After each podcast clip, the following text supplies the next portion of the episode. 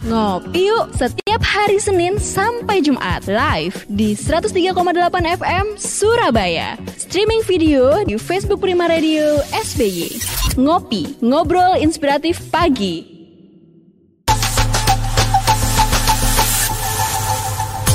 Sosial 8 Prima Radio Surabaya Musik Enak Seharian Balik lagi di Ngopi, Ngobrol Inspiratif Pagi Seperti biasa Hari Senin kita akan membahas seputar parenting dan tema hari ini adalah pas karena uh, narasumber kita adalah seorang pria, hostnya juga pria, bapak-bapak. Yang diomongin juga temanya gak jauh-jauh dari bapak-bapak. Cuman ini uh, bukan bapak tapi kehilangan sosok seorang bapak, fatherless generation. Nah, kira-kira seperti apa sih orang kehilangan sosok uh, seorang ayah? Kita saya nggak akan sendiri, saya akan ditemani oleh narasumber kita untuk pagi ini ada Pak Yusak Novanto S eh, PSI, MPSI psikolog selaku narasumber sampai nanti jam 10 pagi. Dan sekali lagi saya mengundang sahabat Prima. Silakan untuk bertanya seputar parenting tepat dengan tema kita yaitu fatherless generation atau generasi yang uh, kehilangan sosok ayah. Silakan apa pun ditanyakan boleh seputar itu dikirim uh, eh, WA-nya sekarang juga ke 0811 301 038 sekali lagi 0811 301 038 dan kemudian Anda yang beruntung pasti dapat dua hal. Yang pertama, pertanyaan akan uh, terjawab insya Allah. Yang kedua adalah akan dapat merchandise dari Cheers Alkaline Forward karena Cheers Alkaline Forward 230 mili dia punya pH alkaline sampai 8,5 bisa membantu menyeimbangkan pH tubuh sahabat prima sehingga daya tahan tubuh lebih terjaga dan bisa melindungi Anda dari virus. Bentuknya kecil, seksi itu mudah banget untuk dibawa ke mana pun dan kapan pun. Silakan pesan sekarang juga hubungi 0877 77243377 atau 0807 1243377. Sahabat Prima di rumah aja ya, biar kami yang antar. Cheers Alkaline Power 230 mili, seksi, healthy, and easy. Nah, sekarang kita langsung sapa narasumber kita. Selamat pagi, Pak Yusak. Oke, okay, halo. Ya, suara oh. saya sudah. Sudah aman, Pak. Terdengar Pak Yusak. Gimana Pak kabarnya Pak sehat hari ini Pak? Ya uh, sehat-sehat saja di rumah saja nih masih ppkm ya ppkm Betul. darurat ya. Alhamdulillah. Baik. Pak Yusak, ini tadi kita sudah uh, membahas sedikit saya ngasih tahu ke sahabat Prima tentang tema hari ini kita uh, adalah fatherless uh, generation atau kurang lebih kalau diartikan secara awam ya generasi yang nggak punya ayah. Nah, maksudnya nggak punya ayah itu seperti apa sih uh, Pak Yusak sebenarnya? Apakah benar-benar nggak punya ayah atau ada arti kiasan yang lain? Monggo Pak, silakan. Ya, jadi uh, sekarang ini kita ini sebetulnya sedang hidup di dalam sebuah zaman ya, di dalam sebuah zaman yang uh, istilahnya itu banyak dari kita atau juga dari anak-anak kita misalnya begitu yang hidup uh, tanpa kasih sayang atau pengasuhan dari seorang ayah atau seorang uh, pria begitu ya. Ini kalau studi di Amerika itu misalnya satu dari tiga anak di Amerika itu tinggal di dalam satu rumah uh, yang tidak bersama dengan ayah kandungnya gitu ya. Jadi bisa saja dengan ayah tirinya atau dengan orang lain misalnya di panti asuhan atau misalnya dengan single parent dan sebagainya. Jadi uh, ini kita bisa sebut uh, fatherless generation, jadi generasi tanpa ayah gitu ya. Nah, apa yang dimaksud dengan itu ya? Yang dimaksud dengan itu adalah anak fatherless adalah anak yang bertumbuh kembang ya tanpa kehadiran seseorang ayah atau pria fisik ya ya baik secara fisik maupun uh, psikologis dalam kehidupan anak. Jadi ayah ini bisa misalnya tidak e, memberikan pola pengasuhan itu banyak hal ya. Misalnya kalau misalnya mungkin ya mohon maaf ayahnya sudah meninggal begitu ya. Atau mungkin ayahnya bercerai begitu ya dengan ibunya. Nah kemudian atau memang e, nanti ada istilah-istilah yang akan kita sebutkan juga. Ayahnya ada presence ya ada di situ tapi dia tidak menginfluence dia tidak memberikan pengaruh yang baik gitu. Nah itu juga sebetulnya sama aja bohong. Atau malahan ayahnya ada tapi malah mengabuse atau meneglect anaknya. Meneglect itu tidak memberikan ya, tidak memperhatikan. Atau yang paling jelek bisa juga me, apa malah melakukan pelecehan dan sebagainya kepada sang anaknya. Begitu. Oke, jadi ini sahabat prima ya. Ternyata uh, Federalist Generation itu kalau tadi kita awam itu bilang ya ayahnya nggak ada maaf mungkin sudah meninggal atau sudah divorce orang tuanya. Tapi ternyata nggak cuma itu ternyata bahkan ayahnya ada tapi anak kehilangan sosok itu karena psikologis entah itu karena kita nggak tahu ya entah karena sibuk kerja atau karena waktu yang terbatas dan sebagainya. Nah sambil kita ngaca nih sahabat prima apakah anda misal seorang ayah juga ngaca? Dicek lagi kira-kira pagi bangun tidur itu ketemu anak berapa menit? Itu yang banyak ngobrolnya atau nonton TV-nya atau baca korannya atau main handphonenya. Nah, sambil sambil introspeksi juga. Malamnya juga gitu pulang kerja.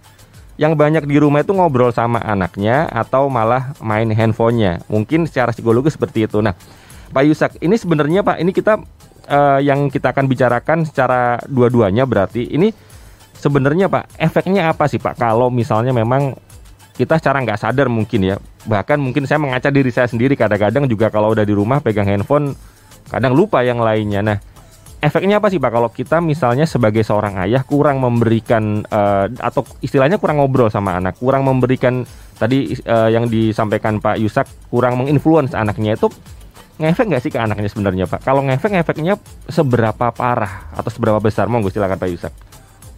Ya, ya yang pertama saya ingin mengingatkan kepada kita setiap pria, setiap bapak bahwa uh, apa ya waktu yang diberikan oleh Tuhan kepada kita untuk mengasuh anak-anak kita itu sebetulnya tidak terlalu banyak ya. Kalau kita pun bisa hidup panjang, sebetulnya kita akan uh, bisa menginfluence mereka tuh paling tidak sampai mereka hanya sarjana gitu ya. Kalau sudah S2, S3 mereka tentu sudah punya pilihan hidup sendiri dan sudah cukup matang. Jadi sebetulnya dari misalnya 80 tahun, 90 tahun kehidupan seorang manusia itu hanya sekitar 20 tahun yang dihabiskan.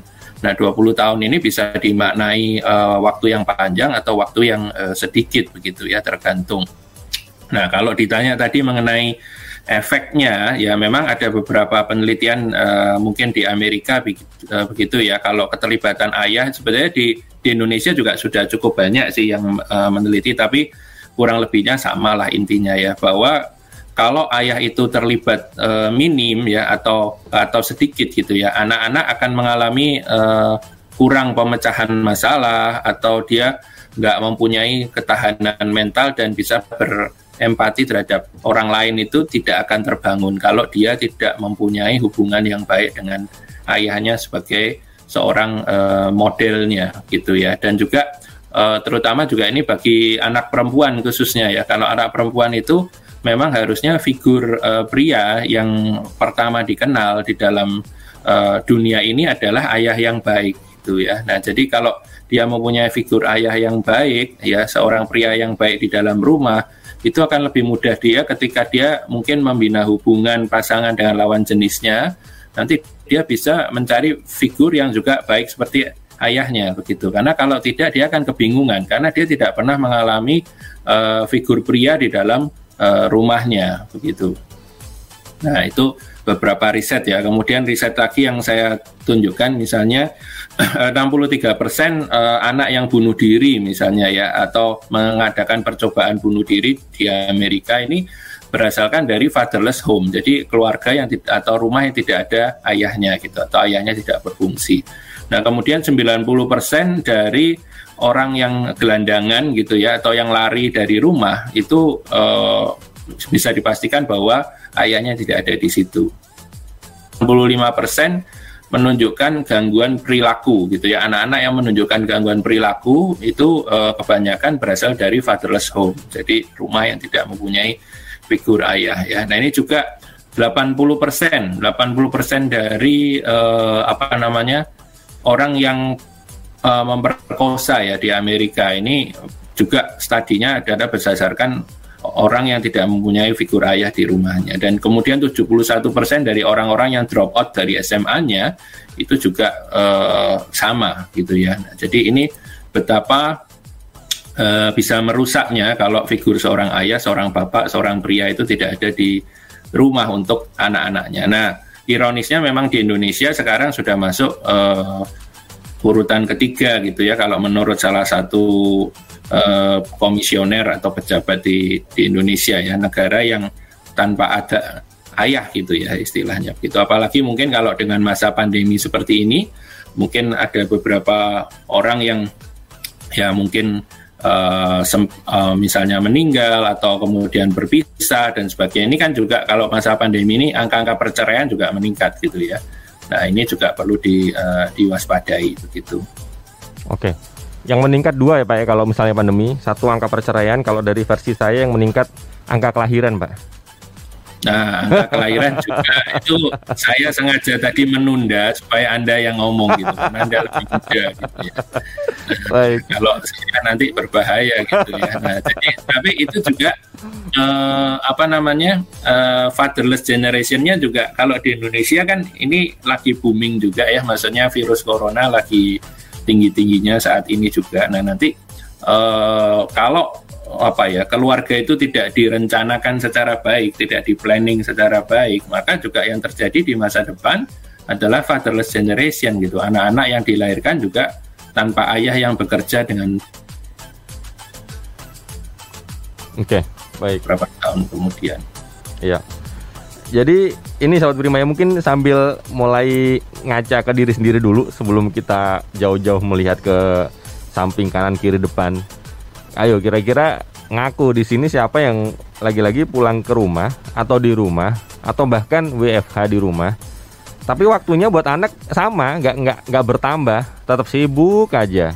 Pasti ya banyak, saya yakin karena saya sendiri juga kalau ngaca seperti itu makanya ini sedikit reminder juga dan pengingat kita semua kalau ternyata peran orang tua apalagi peran ayah tuh ternyata nggak kalah dengan perang seorang uh, ibu. Nah, Pak Yusak ini izin saya bacakan WA yang masuk boleh ya Pak? Iya iya silakan. Oke selamat pagi Bu Indri dia udah masuk ke nomor prima 0811 30 1038 usia 35 tahun di sidoarjo. Dia mau tanya ada waktu durasi jam ideal ayah menemani anak? Mungkin maksudnya apakah ada waktu atau durasi jam yang uh, pas sehari itu berapa jam anak ayah menemani anak? Mungkin maksudnya itu uh, beliau cerita saya ibu rumah tangga, suami kerja kantoran tapi jamnya sibuk banget. Anak-anak lebih banyak sama saya. Oke baik Bu Indri terima kasih.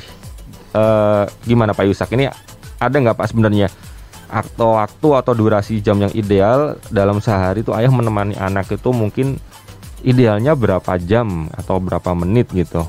Monggo Pak. Ya, uh, saya kira itu waktu sebetulnya kan uh, sudah diatur dengan baik ya oleh Tuhan kita. Jadi kita ini hidup satu hari kan 24 jam begitu ya. Nah 24 jam itu kalau mau dibagi tiga uh, adil gitu ya. Misalnya kita istirahat kan biasanya 8 jam ya. Mungkin tidur jam 10 malam, bangun jam 6 pagi katakanlah gitu atau jam 5 ya, katakanlah 8 jam. Kemudian kita juga bekerja itu kan biasanya di kantor satu hari 8 jam ya nah jadi mungkin dengan uh, apa namanya ya istirahat makan dan bepergiannya katakanlah 9 jam ya 10 jam berarti kan sebetulnya masih sisa 8 jam atau sekitar 7 jam Nah, harusnya 7 jam ini bisa dimanfaatkan orang tua untuk bersama-sama dengan anaknya di rumah gitu ya. Jadi waktu yang efektif ya kalau memang bekerjanya itu pagi, dari jam 8 sampai jam 5 ya mungkin baiknya dari jam 5 sampai jam 10 atau jam 11 malam itu waktu yang efektif. Nah, cuma memang tentu kita tahu bahwa tidak uh, harus ya artinya uh, semerta-merta bersama begitu, tapi memang yang penting itu quality time-nya ya, waktu yang berkualitas bersama dengan anak. Jadi misalnya uh, apa mungkin bisa ditanyakan kegiatannya sehari-hari apa. Tadi kayak ini kan anak saya juga lagi ikut MPLS ya masa pengenalan lingkungan sekolah ini kan hari ini semua tahun ajaran baru kan ya tahun akademik baru begitu ya. Jadi kita harus mengenali guru-gurunya siapa yang baru mungkin kelasnya yang baru seperti apa. Nah itu uh, menarik untuk anak untuk ditanyai seperti itu begitu ya. Jadi yang penting itu waktu yang berkualitas bersama uh, dengan anak. Jadi memang kalau mau ditanya patokannya ya tadi ya sekitar sisa waktu 7 jam setelah kerja ya.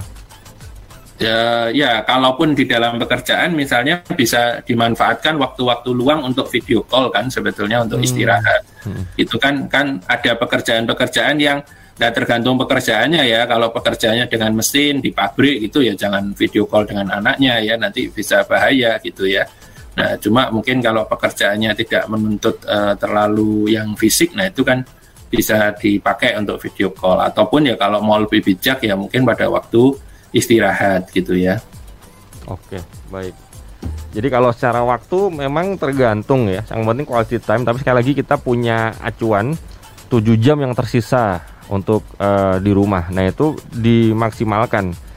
Ini sekarang kalau dari saya nih pak sekarang uh, biasanya itu selain mungkin menanyakan seputar sekolah itu apa pak yang dari seorang ayah itu yang baiknya jadi bahan obrolan sama anak gitu pak. Supaya okay. anak merasa diperhatikan merasa ada influence dari ayahnya. Ya apa yang dia sukai apa yang dia sukai misalnya minatnya di mana bakatnya di mana nah itu kita dorong gitu. Misalnya uh, anak saya yang pertama misalnya sukanya menggambar misalnya ya dia kita kita dorong gitu kita terlibat. Misalnya ketika dia menggambar ya kita tanya apa yang digambar mengapa dia gambar itu dan sebagainya. Misalnya kalau yang kedua misalnya lebih suka craft gitu ya. Nah uh, mungkin kita juga tanya dia itu membuat apa dan sebagainya gitu ya. Jadi dari permainan-permainan yang sederhana itu kita bisa mencari apa suatu topik ya untuk untuk ditanyakan yang tidak membebani uh, mereka gitu. Jadi jangan misalnya jangan terlalu menanyakan lagi hal-hal yang berbau akademis yang sudah di uh, apa namanya sudah dilakukan bersama gurunya di di sekolah misalnya seperti itu. Nah, ini nih yang perlu digarisbawain ya. Pertanyaan yang bukan membebani. Tanya tapi malah bikin anak stres malah bukannya malah terinfluence tapi malah bikin anak stres ya Pak mungkin seperti itu terus ini Pak tadi ada solusi juga ya sahabat Prima ya jadi mungkin selama ini yang saya nggak ada waktu saya bahkan kerja sering lembur kantor tidak mengenal istilah pandemi karena pekerjaan saya dituntut harus uh, online terus misalnya katakanlah seperti itu. Bisa caranya tadi ada video call. Nah kita sering lupa kalau ada teknologi video call. Biasanya orang-orang uh, video call dipakai waktu rapat kantor, tapi kadang lupa kalau itu bisa dipakai juga buat telepon anak sebenarnya. Nah, ini sekali lagi bener nggak Pak? Ini kalau menurut yang saya lihat, saya ngaca ke diri saya sendiri, saya juga melihat ke sekitar, itu sosok seorang ayah itu masalahnya bukan ke waktu sebenarnya, tapi ke dia yang belum bisa memilah, maksudnya lebih mementingkan pengen baca beritanya, pengen kerja terus sampai kadang-kadang waktu buat anak dipikir itu sudah tugasnya ibunya gitu. Nah, itu seperti itu sebenarnya uh, lazim nggak di negara kita pak orang yang memikirkan itu tugasnya ibunya kalau memang itu lazim uh, apa yang harus mungkin mungkin mewakili Bu Indri juga ya ngasih tahu ke ayahnya tuh gimana supaya ayahnya tuh sadar gitu loh ini juga perlu sosok seorang ayah sebenarnya itu gimana pak ya intinya sih sebetulnya prioritas saja ya. Jadi sebetulnya kan orang bekerja untuk anaknya juga ya. Jadi misalnya kita mungkin pernah dengar ilustrasi ya, ada anak yang pengen membeli waktu ayahnya gitu kan. Ada anak yang pengen bertanya, ayah waktumu satu jam itu kamu dibayar berapa sih misalnya gitu sama perusahaan. Oh saya dibayar sekian Nah, kalau gitu saya akan mengumpulkan uang ya untuk membeli waktunya ayah loh supaya apa? Supaya bisa bermain dengan saya gitu ya. Itu mengenaskan sekali sebetulnya gitu ya. Nah, jadi uh, memang uh, figur-figur uh, bapak-bapak ini perlu disadarkan dulu kepriaannya gitu ya menjadi pria yang sejati. Nah, memang kita sadar bahwa untuk uh, sebetulnya kalau kita mau apa kuliah itu kan semua ada sekolahnya. Tapi kalau menjadi orang tua itu kan sekolahnya tidak formal ya dan sekolahnya seumur hidup gitu ya menjadi parent gitu. Dan memang uh, itu proses yang kita harus uh, pelajari. Banyak orang siap menikah tapi tidak siap uh, apa namanya menjadi orang tua begitu. Nah salah satu tips yang mungkin bisa saya sampaikan adalah kita ini diberikan oleh uh, apa ya Tuhan kemampuan itu ya otak uh, uh, kemudian pengetahuan dan sebagainya untuk kita bisa merekayasa lingkungan di sekitarnya. Jadi apa yang dimaksud dengan merekayasa lingkungan? Jadi uh, kita kalau sudah berkarir itu bisa mencari pekerjaan yang mungkin dekat dengan rumah dan sebagainya. Jadi uh, ketika anak membutuhkan sesuatu ya mungkin meskipun ada pembantu di rumah dan sebagainya kita bisa cepat pulang atau kita bisa mendampingi dan sebagainya. Uh, nanti di masa depan itu kan akan banyak-banyak pekerjaan yang bisa dikerjakan dari rumah sebetulnya. Nah itu bisa membuka uh, challenge juga sih uh, suatu hal yang baru gitu. Jadi kita sebetulnya ketika lulus dari sarjana, ketika mencari pekerjaan dan sebagainya kan kita punya opsi ya. Nah kita bisa mengukur kira-kira kita itu orang seperti apa gitu. Dan mungkin juga harus merencanakan keluarga. Jadi kalau memang tidak bisa artinya waktunya bekerja mungkin terlalu banyak ya mungkin jangan punya anak banyak-banyak gitu ya. Kiranya ya satu saja cukup misalnya dan sebagainya gitu. Karena ada orang tua yang sudah tahu bekerja begitu malah mempunyai anak yang banyak. Nah itu saya kira tidak bertanggung jawab ya dalam hal itu gitu. Oke, ini yang saya perlu garis bawahi juga adalah ini tadi yang perlu penting sahabat terima ya. Kita itu kerja kata Pak Isak tadi buat apa? Kerja kan cari duit, cari duit ya buat anaknya. Nah, kalau dibalikin itu lagi, ngapain kita kerja sampai lupa anak sebenarnya? Nah, situ sebenarnya kalau udah keinget itu pasti sahabat terima aja akan tersadar lah seharusnya. Dan kalau mungkin ada kasus seperti Bu Indri misalnya atau mungkin ibu-ibu yang pengen mengingatkan ayahnya ini tadi Pak Yusak saya juga kebetulan pernah nonton video itu video dari Thailand atau mana gitu iklan sebenarnya membeli waktu ayahnya. Kasih aja video itu dikirim linknya ke ayahnya. Masa nggak tergerak lihat video seperti itu pasti pasti tergerak lah pasti pasti sadar lah kalau ternyata oh fungsi ayah itu penting. Nah ini balik lagi ke fungsi ayah pak. Tadi yang saya tertarik adalah ternyata fungsi ayah uh, terutama buat anak perempuan dia itu akan menjadikan sosok ayah itu sosok pria yang menemani dia di masa depannya nanti. Sosoknya seperti ayah kurang lebih. Nah dari ini pak mungkin ada apa ya dari uh, efek kepintaran gitu mungkin atau efek dari karakter anak. Apakah itu berpengaruh juga pak kalau misalnya anak punya kedekatan dengan ayah? Se berpengaruhnya sebesar apa gitu misalnya? Silakan pak Yusuf ya jadi anak-anak yang uh, apa lahir tanpa ayah maksudnya uh, tidak dibapai dengan benar itu ini kalau kekurangannya sih banyak ya agresif, mudah depresi dan sebagainya sih kesehatan fisiknya juga mungkin uh, berkurang gitu ya, kurang bertanggung jawab. Tetapi dengan keberadaan seorang ayah itu sebetulnya yang paling positifnya adalah anak itu bisa menimbulkan atau mempunyai role model ketegasan. Jadi kalau ayah itu kan biasanya seorang figur yang tegas ya Mas ya.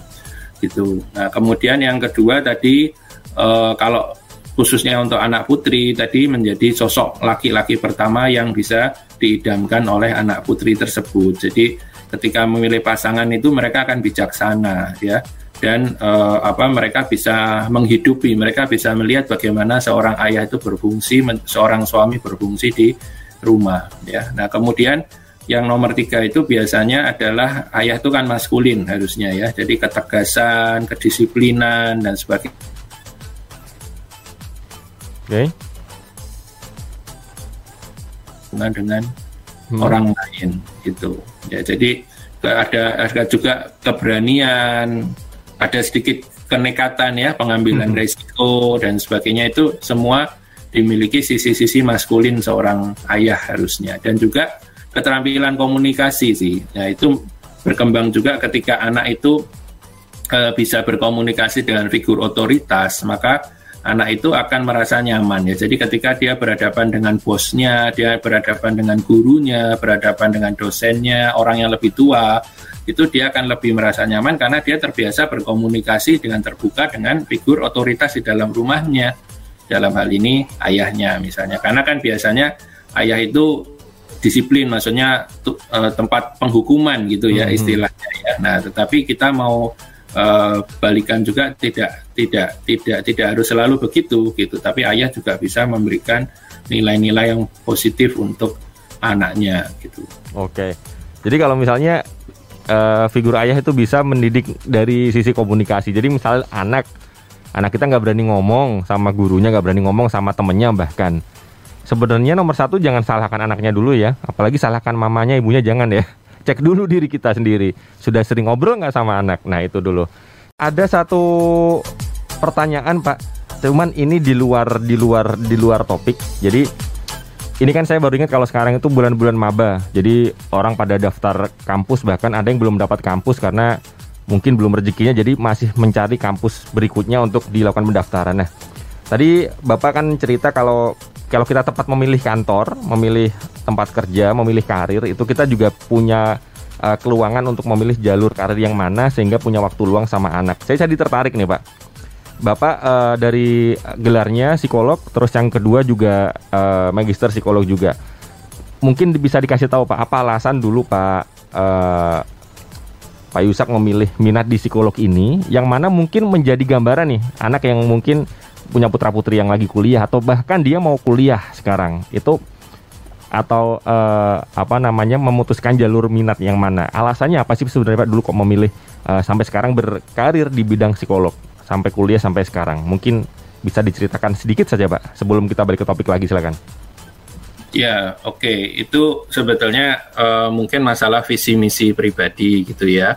Kalau uh, dengan saya sih dulu saya pengen istilahnya menjadi apa ya berkat buat orang, menjadi saluran uh, untuk uh, apa ya orang itu mengenal uh, kasih Sang Pencipta gitu ya, kasih Tuhan yang Maha Esa melalui ilmu uh, saya begitu. Nah, dengan dengan itu maka saya mengambil keputusan untuk uh, kuliah uh, psikologi begitu ya dan juga untuk uh, mengenali diri saya lebih dalam gitu ya supaya karena kan seorang psikolog atau dalam profesi-profesi yang helper ya semacam konselor, semacam uh, mungkin ya ahli jiwa dan sebagainya itu saya kira memang perlu untuk kita mengenali diri sendiri dulu. Kita bisa artinya beres dengan diri sendiri dulu sebelum kita uh, menolong orang lain begitu ya. Nah, jadi ya untuk uh, apa namanya uh, ya memulihkan jiwa juga begitu ya. Nah, tapi, tapi saya kira itu sih yang penjelasan yang mungkin singkat yang bisa saya berikan. Nah, makanya kalau mengikat eh, kaitan dengan putra putri itu ya kalau sekarang mungkin kuliah dan sebagainya itu yang paling penting itu apa ya dia harus kuliah yang dia minati gitu jangan sampai dia kuliah yang tidak dia minati karena itu dia tidak akan menghidupinya dia tidak akan mencintainya ya dia akan melakukannya dengan terpaksa. Jadi uh, bisa juga harus dengan aktualisasi dirinya ya saya kira itu juga harus memperhatikan sih misalnya kecerdasan kemudian juga kemampuan orang tua. Jadi ada beberapa eh, jurusan-jurusan uh, atau program studi yang misalnya menuntut anaknya itu kuliahnya agak waktunya panjang ya Nah, jadi uh, kita harus juga bisa memperhitungkan kapan orang tua itu pensiun, kapan orang tua itu bisa membiayai dan sebagainya. Nah, itu semua harus uh, makanya harus harus di planning gitu ya. Orang Indonesia kan susahnya uh, di planning karena orang Indonesia lebih bi uh, biasanya mengalir aja, ngeflow hmm. aja, biarin aja apa yang terjadi terjadi ke sera-sera gitu ya. Nah, itu sebetulnya kurang kurang bijak lah saya ngomong ya. Jadi lebih baik segala sesuatu yang bisa di planning, bisa direncanakan, kita bisa rencanakan. Memang ya kalau sudah istilahnya apa kehendak Tuhan, rencana Tuhan, kedaulatan Tuhan atau takdir ya atau nasib ya itu ber berbeda lagi gitu ya. Tapi bukan dengan alasan itu terus segala sesuatunya tidak kita rencanakan atau kita kita atur, kita kelola dengan baik gitu ya. Okay orang Indonesia tuh lebih suka ngalir karena mungkin kita negara maritim ya Pak ya. Jadi banyak air. Ngalir aja wes gitu. ya filsafat juga ya filsafat dalam budaya kita memang hmm. uh, harmonisasi budaya-budaya timur kan begitu hmm. ya. Hmm. Gitu. Oke baik Pak Yusak. Ini ya sobat Prima lagi-lagi kalau kita tanya ke Pak Yusak ternyata goalsnya awal itu adalah pengen bermanfaat buat orang lain lah pada intinya. Ya. Dan tapi sekali lagi kalau misalnya Anda bisa tepat memilih kampus anda bisa tepat menggambarkan anak kira-kira yang tepat yang mana untuk dia suka suka minat dia nanti ke depan. Karena semakin ke depan ternyata pekerjaan itu bisa semua dikerjakan secara online dan kalau orang pandai itu bisa memilih karirnya dan goalsnya adalah bi dia bisa memilih pekerjaan yang bisa dekat dengan anaknya. Nah itu sebenarnya. Jadi kan kalau orang punya kelebihan bisa memilih kan sebenarnya karena ini kita waktu tinggal tiga menit Pak Yusak uh, mohon diberikan closing statement, closing statement yang uh, istilahnya lagi-lagi bisa mengingatkan ayah nih, kalau ternyata peran ayah itu besar. Itu Pak, monggo silakan sekaligus closing statement untuk ngopi edisi hari Senin ini Pak. Monggo silakan Pak Yusak.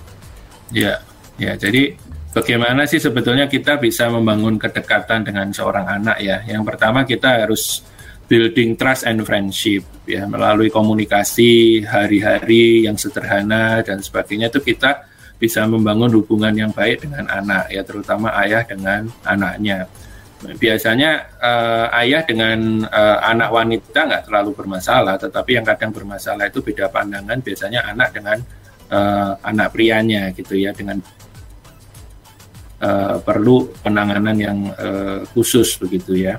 Nah kemudian juga uh, hadapi anak dengan cara pikir mereka ya, karena anak-anak itu juga uh, apa pola pikirnya berbeda dengan kita ya. Kemudian uh, juga kita harus memiliki kemampuan tadi saya sudah singgung si komunikasi yang efektif karena uh, kebutuhan di zaman akhir ini kan abad 21 gitu ya harus mempunyai kemampuan berpikir analitis, kritis, uh, fleksibel dan adaptif. Nah itu semua akan bisa diperoleh dengan pola pengasuhan yang uh, baik, yang suportif, kerjasama antara figur ayah dan uh, ibu begitu. Ya, nah jadi, nah bagaimana kalau kita mau mempersiapkan anak itu mempunyai kemampuan komunikasi yang baik kalau kita tidak pernah punya waktu untuk duduk diam ngobrol bersama dengan mereka ya. Nah ini saya kira uh, memang perlu disediakan waktu khusus ya. Kalau saya ada juga uh, waktu untuk berbicara juga ada waktu mereka bermain juga ada waktu saya tetapkan untuk reading time. Jadi mereka itu membaca Eh, sesuatu. Jadi tidak lihat gadget terus tidak lihat uh, laptop atau notebook terus dan sebagainya. Jadi beda ya kalau uh, lihat uh, notebook dan sebagainya kan akan lelah matanya. Tapi kalau baca kan agak berbeda. Ya kalau statementnya terakhir sih uh, apa namanya kita tidak akan pernah meninggalkan warisan bagi anak-anak kalau kita tidak pernah menginvestasikan sesuatu yang paling berharga dengan bijaksana. Ya jadi yang paling berharga di dalam hidup kita ini saya kira bukan uang ya tetapi ada dua hal. Jadi nama baik sama waktu sih untuk sebagai orang tua gitu ya. Jadi saya kira uh, ya uh, warisan terbaik yang pernah diberikan seorang ayah itu adalah waktu yang diberikan untuk mengasuh anaknya dan juga nama baik yang ditinggalkan oleh orang tua kepada anaknya gitu ya. Jadi uh, ada kalanya juga kita baru sadar oh anakku sudah besar dan sebagainya sehingga kita tidak punya waktu untuk uh, apa namanya mengasuh lagi gitu ya. Nah, tapi semoga dengan ini kita bisa disadarkan dan meskipun uh, terlambat tapi tidak apa-apa daripada tidak kita lakukan uh, sama sekali ya. Saya kira itu sih Baik Pak Yusuf Novanto, terima kasih banyak. Jadi yang saya garis bawahi lagi banyak nih yang saya perlu garis bawahi dari tadi ya. Ini yang terakhir saya garis bawahi terakhir adalah yang diwariskan ke anak kita itu bukan uang sekali lagi ya, tapi adalah na nama baik dan waktu. Terbukti ya Pak, uang sekarang orang punya uang banyak tapi buat masuk kamar IGD pun nggak bisa karena penuh, ya kan? Tapi nama baik dan waktu itu yang penting. Pak Yusak Novanto, terima kasih banyak waktunya. Salam kami buat keluarga di rumah sehat-sehat terus ya Pak ya. Yeah, Terus juga anak-anak juga semua keluarga sehat semua. Saya pamit Pak, Pak Yusak juga terima kasih banyak. Sampai ketemu lagi di Ngopi, Ngobrol Inspiratif Pagi, sahabat Prima setiap hari Senin sekali lagi sampai Jumat jam 9 sampai jam 10 pagi. Selamat pagi, bye-bye. Ngopi. Ngobrol inspiratif pagi. Ngopi yuk setiap hari Senin sampai Jumat live di 103,8 FM Surabaya. Streaming video di Facebook Prima Radio SBY. Ngopi, ngobrol inspiratif pagi.